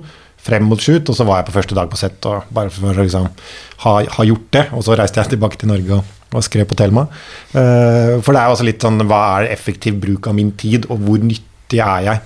For jeg tenker Hvis man skal være på sett og være nyttig, så må man være på sett hele tiden. Det nytter ikke å bare komme innom noen timer og så synse og hviske i øret til Joakim osv. Og, så og det er jo litt sånn, Vi er jo såpass samkjørte at jeg vet og Hvis jeg har lyst til å si noe til Joakim, så er det 90% sjanse for at han tenker det samme selv eh, bak i hodet. Og hvis jeg skal da liksom prøve å liksom, eh, mase på det, så blir det bare ekstra, ekstra støy rundt regissøren på sett, som, er, eh, som ikke er så jeg har ikke lyst til å bidra til, rett og slett. Eh, og de andre tingene vi eventuelt ville vært uenige om, ville være sånn smaksting som egentlig ikke er så, så farlig, eh, på en måte. Så jeg tror ikke det er eh, eh, At jeg har så, er så veldig nytte av å være der. Da. Men det jeg syns er veldig fint, og som jeg liker at eh, Joakim lar meg eh, være en del av, er jo å, å synse gjennom castingprosessen. Når Joakim begynner å finne kandidater han syns er interessante, så viser han meg opptak, og så diskuterer vi det i forhold til de karakterene vi har skrevet, også fordi noen karakterer kunne jo være Kanskje vi må forandre litt eh, hvis vi kaster den personen. Og så, så diskuterer vi litt det om det er innafor, eller om det har større eh, implikasjoner enn man kanskje først tror. Og så, og så begynner jeg da å se hvordan filmen blir med disse skuespillerne, og jeg kan komme med, med min mening i det. Jeg syns det er veldig nyttig. Og så drar Joakim liksom av gårde og gjør filmen, og da ringer du meg egentlig vel bare hvis det er, hvis det er en krise eller hatt en dårlig dag, eller mer som en venn da enn en, en, en, enn supportive, Jeg skal ha mye klokt å bidra med der. Og noen ganger kan vi diskutere problemstillinger. Og eh, et eksempel er f.eks. hvis en dag går litt dårlig rundt en viktig scene sånn fortellermessig.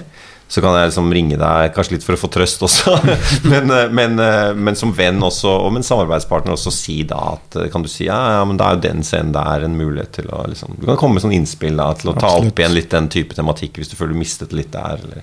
Så det er en dialog, altså, i den grad vi har tid, for det går jo unna når man filmer. Noen ganger så er det jo Louder Bombs filmet vi 12 til 14 dager Nei, unnskyld, 12 til 14 timer hver dag i USA, med reisetid på opptil en time inn og ut av Manhattan noen ganger. Eh, og da får du så vidt tid til å sove, og så er du på sett igjen. Så det ikke, det kommer, men på Thelma var det litt mer sånne norske tider, da. Så da kunne vi snakke litt innimellom. Og til og med svenske timer. Eh, men det var eh, De jobber jo enda kortere dager Ja, det det. i Norge. Men nei, det er også, til slutt og så går Joakim og begynner å klippe med Olivier Bugcoté, og de jobber da bare de frem til en sånn første versjon. Og så setter jeg også veldig pris på da å være involvert i klippingen. At jeg er liksom eh, Kanskje liksom eh, altså Bortsett fra Joakim Olivier, så er det en som ser flest versjoner etter det, da, og kommer med, med innspill som noen ganger blir tatt i følge, andre ganger ikke, men blir i hvert fall lyttet til. Så jeg føler at jeg er med på den prosessen, og jeg føler det også er litt av manusarbeidet. da, Å kunne, kunne ha meninger om, eh, om klippingen.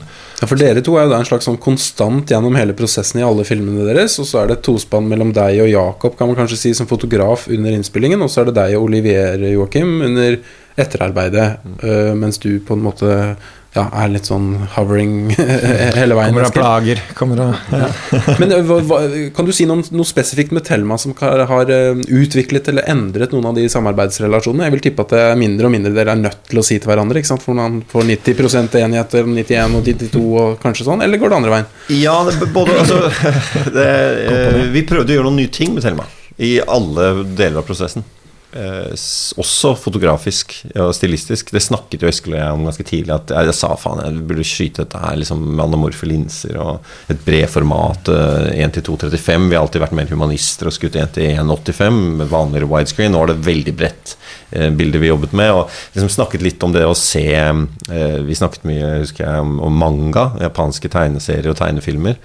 Eh, Katsuro Otomo altså mange sånne som folk vi hadde vokst opp med å lese. Jeg, var, jeg prøvde å lære meg japansk på et tidspunkt, for jeg er så opptatt av manga. Og, og det var noe du også i litt mindre grad, da, men du, du syntes det var kult, du òg. Så du skjønte liksom greia.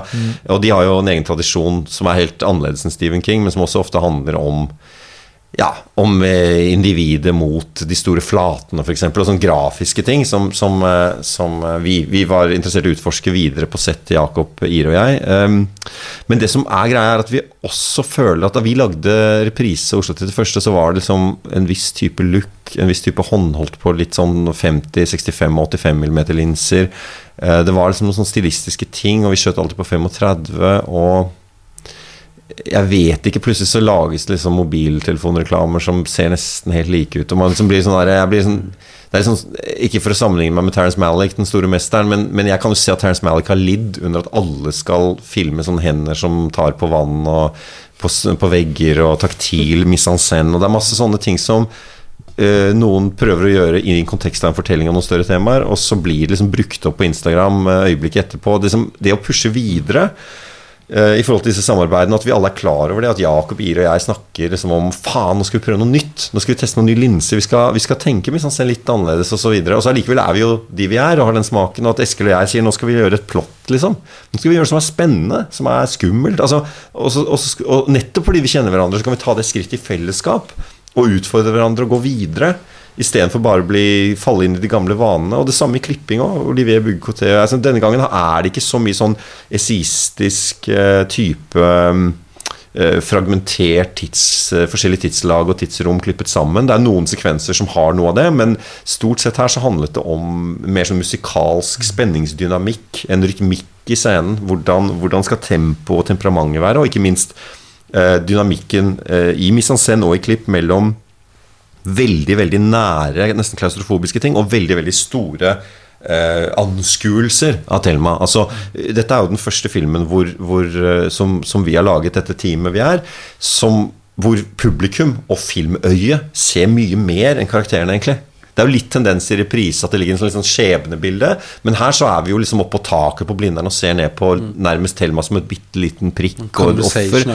Ja, ikke sant? Altså, det er et blikk utenfra inn, og noen ganger, som Eskil påpekte, så kanskje til og med publikum kan tolke følelser som Thelma ikke forstår selv ennå. For eksempel så får vi jo et eh, vi får jo sånne flashbacks som setter publikum på sporet av hennes tragiske barndomserfaring, men som hun selv er uvitende om, blir vi fortalt. Så publikum begynner å vite mer enn Thelma og sånne ting. Så i alle ledd å prøve å jobbe dramaturgisk på en ny måte var, eh, var nettopp bra fordi vi kjenner hverandre, tenker jeg.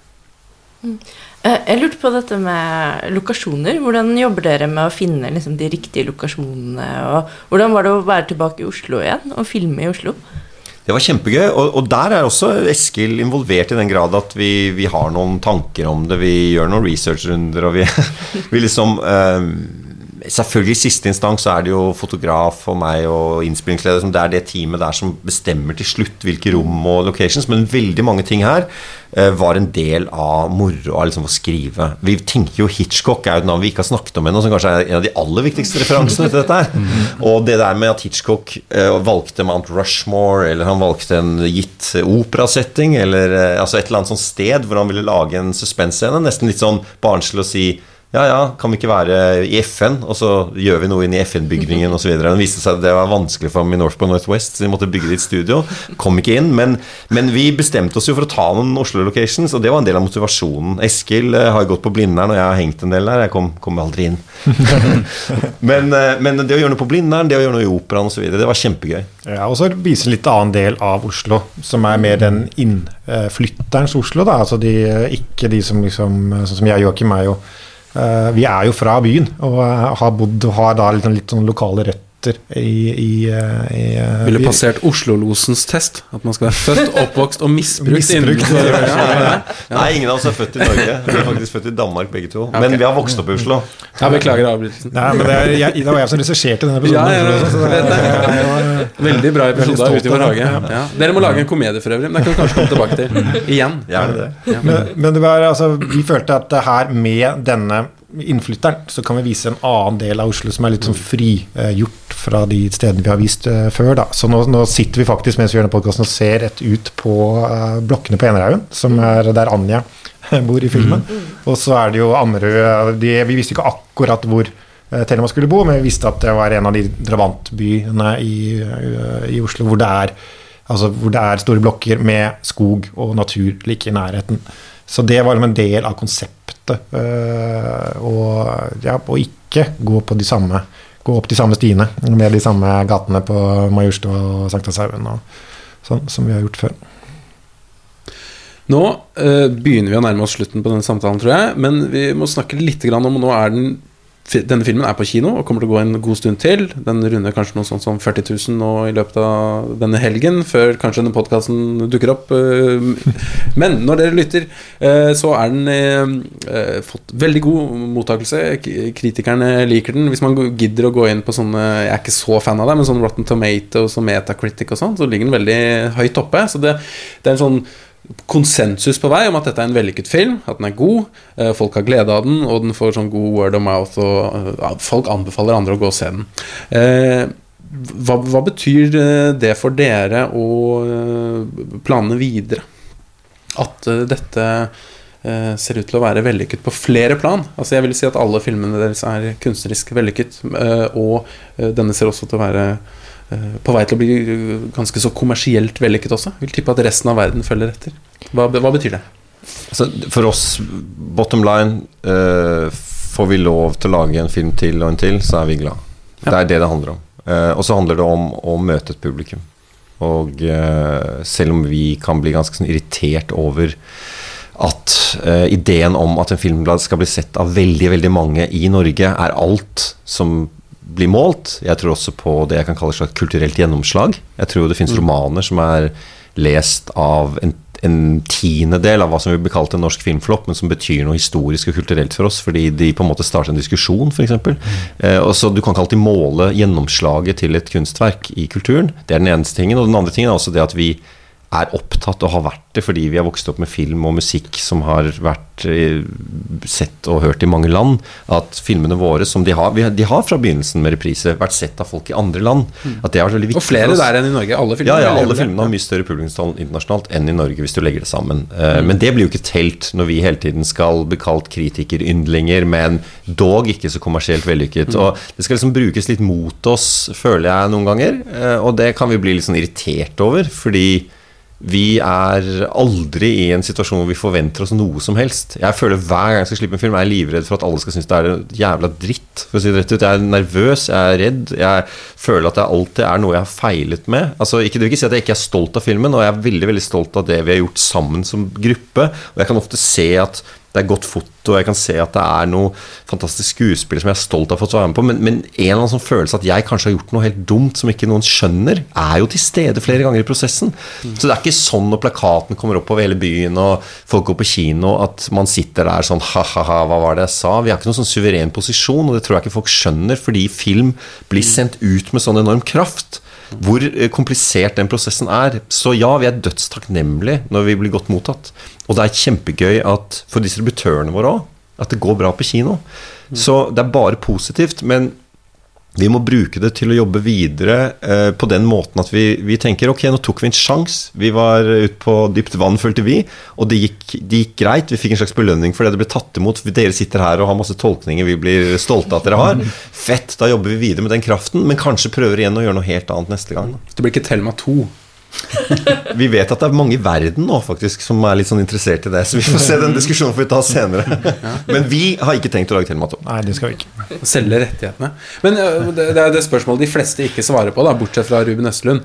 Eh, neste film, altså hva, hva er øh, Eventuelt når skal dere begynne å jobbe på det, eller er dere i gang? Eller hva er det veien videre? Det er man alltid spent på. Dette tar jo tid vekk fra vår skriving. Vi skulle Ja. egentlig sitte i dag og Ja, skulle, det. Vi, vi runder da om et par minutter. Så den, eh, hvis da den filmen kommer 45 minutter senere, så er det pga. Ja, da tar vi den på vår kappe. Nei, vi sitter nå og prater eh, helt sånn uten å vite, egentlig, hva som er neste, og snakker om forskjellige ting som kan bli Joakims neste film. Men eh, dette er ikke for å kokettere og være hemmelighetsfull. Vi har ingen idé akkurat nå Nei, er. vi har ikke bestemt oss i det hele tatt. Vi har jo alltid masse ideer fra gammelt av, forskjellige ting, men vi, vi føler at eh, vår, vår eh, spirit i måten vi jobber på, er å, hva er mest aktuelt for oss tematisk og estetisk nå? Hva er det vi, hva er det vi vil lage nå? Og det, det tar litt tid å finne frem til hva som er det viktigste for oss akkurat nå.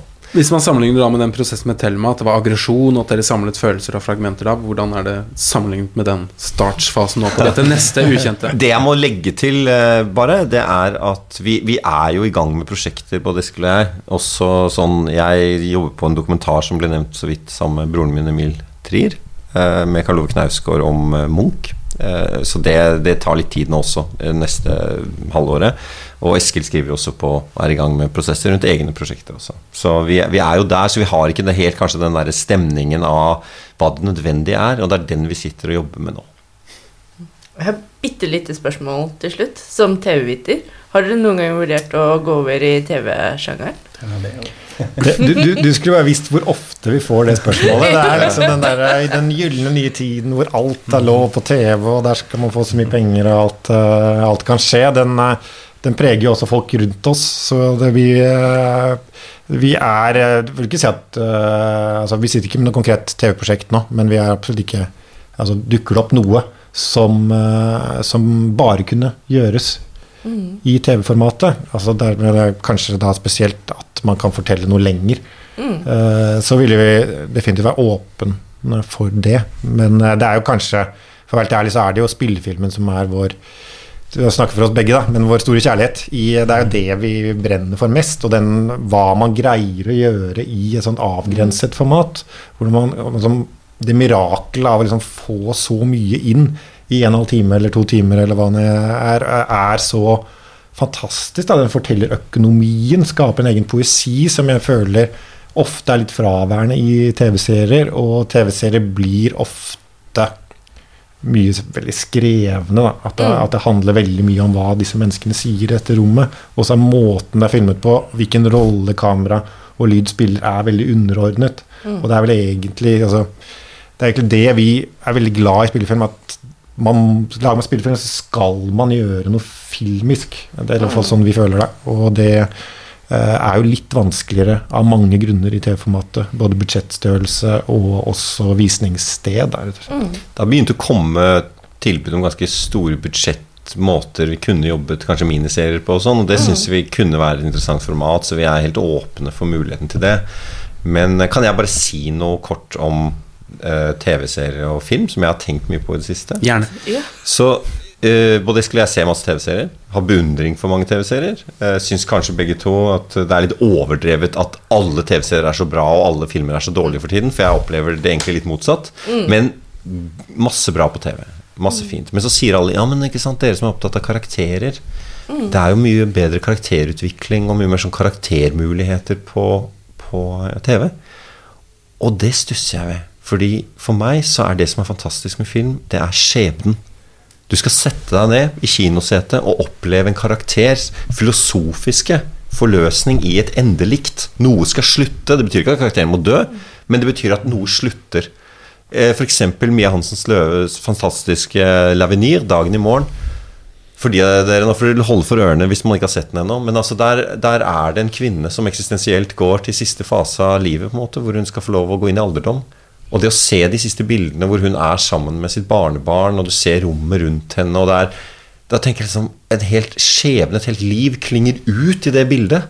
Og så kan du si jo, da man kan få en sånn sesongavslutningsfølelse som kan ligne, eller av og til har det blitt veldig inn å drepe liksom Oi, der døde Stringer Bell, og jeg må innrømme at det gikk jævlig inn på meg. Jeg syns det var hardt. Jeg elsker The Wire. Men, men, eh, men ofte så blir også TV-serieformatet en dramaturgisk øvelse i å holde ting ved like, eller gjenta ting vi liker å føle på i forhold til karakterutvikling. Ikke nødvendigvis alltid, i hvert fall. eh, Det derre skjebnesveipet som spillefilmen kan gjøre med en karakterfortelling.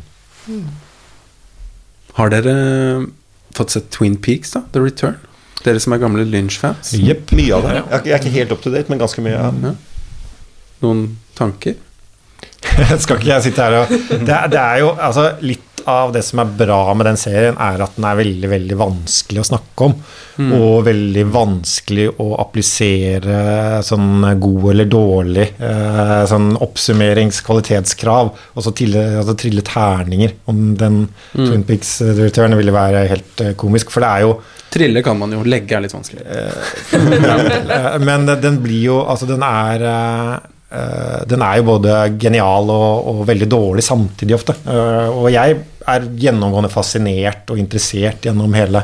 Mm. Men jeg syns jo at eh, altså Det er jo åpenbart sånn dramaturgisk at den bare fortsetter å åpne seg og åpne seg og åpne seg. Og man skjønner jo liksom Når det er nye karakterer og situasjoner som kommer i episode 13, 14 og 15, så skjønner du at han kommer alltid til å lande dette på noe ordentlig tilfredsstillende måte. Han sier vel det i sånn episode 17 også, at det gikk vel ikke helt etter planen. Denne etterforskningen, Som en slags metakommentar til fortellingen. Men jeg bare tenker på det, noe av det handlingsrommet man kan ha innenfor den uh, lange fortellingen. da Som en slags inspirasjon på hvor, uh, hvor fri man kan stå til også å lage noe ræva ved siden av noe som er helt det beste jeg har sett av levende bilder i år. By far, da. Ja. Som er David Lynch, kanskje vår største filmkunstner, eh, som klarer å gjøre det. Men det er Selv jo på litt sånn dårlig, skitt Men det er jo litt, altså, det, det som er litt uh, underlig, føler jeg, er at David Lynch er jo den han er fordi han kom frem på en tid en annen tid enn nå. Eh, det, det hadde ikke vært like lett for David Lynch å lage de filmene og ha den karrieren han hadde på den tiden eh, nå. Men siden han hadde det, og alle har et nostalgisk forhold til Twin Peaks, eh, og han har vokst som autør i alles eh, øyne, så har han ikke laget noe. Så, men særlig siden eh, Indian Empire og sånn. Men nå får han da plutselig frie tøyler. Helt frie tøyler, som ingen andre eh, serieskapere, egentlig, eh, ville kunne fått til å gjøre det. Og det er jo fascinerende. Det er noe helt unikt. Og det syns jeg er gøy å følge. Men det er ikke noen modell som man kan applisere for eh, noen andre, egentlig. Det er jo det er litt sånn sammenfall av hans status og hva Twin Peaks var på den tiden, hvor det bare var noen kanaler i USA som gjorde at den kunne bli veldig stor. Mens hvis uh, den hadde kommet nå, så hadde den druknet i, i 350 original scripted TV-serier eller noe.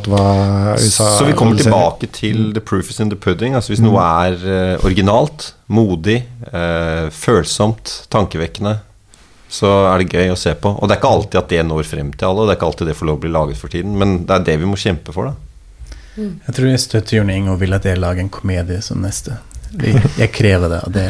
Ja, men takk for den tiltroen. Komedieforskeren. Ja, men vet du hva, så hyggelig at du sier det. Og vi eh, Jeg har jo brutt, har jo brutt eh, regelen min om å ikke se filmene våre om igjen. eh, Da vi hadde, eh, som du egentlig arrangerte, eh, en sånn eh, reprise av reprise, som var nærmest en sånn tiårsjubileum. Ja, ca. ti år etter. Ja, ca. ti år etter. eh, Ti år etter innspillingen var det. Ja, det var det, det. var det for et par år siden. Og da eh, er vi på Cinemateket, og alle skuespillerne er der, og de er jo mange av dem De er så flinke og begavede, har fått så flotte karrierer, og vi er samlet på scenen og skal gjøre en introduksjon, og idet vi skal sette oss ned for å se filmen, så har jeg som vanlig tenkt å gå ut av rommet, ut av Cinemateket, gå og ta meg et glass vin og komme tilbake igjen, og vi skal ha en sånn Q&A etterpå. Men så setter alle skuespillerne seg ned og ser på meg. Og liksom, ja, men Skal ikke du sitte og se den? Og da følte jeg uff, jeg må jo det. Herregud, jeg kan ikke gå fra dem nå. Og så satte jeg meg ned, og så så jeg reprise. Om igjen. Og da satt jeg først som på et spøkelsestog som barn og liksom så litt sånn der ned. Først så var det sånn Å, herregud, skal jeg sitte her i 1 time og 40 minutter nå? Men så syns jeg det var så innmari gøy, spesielt første halvdel.